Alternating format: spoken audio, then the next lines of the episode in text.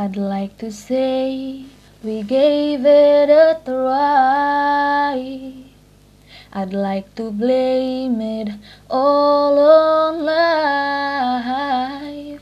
Maybe we just weren't right, but that's a lie. That's a lie, and we can't deny it as much as we want. But in time, our feelings will show. Cause sooner or later, we'll wonder why we gave up. The truth is, everyone knows. Almost, almost is never enough. So close to being in love.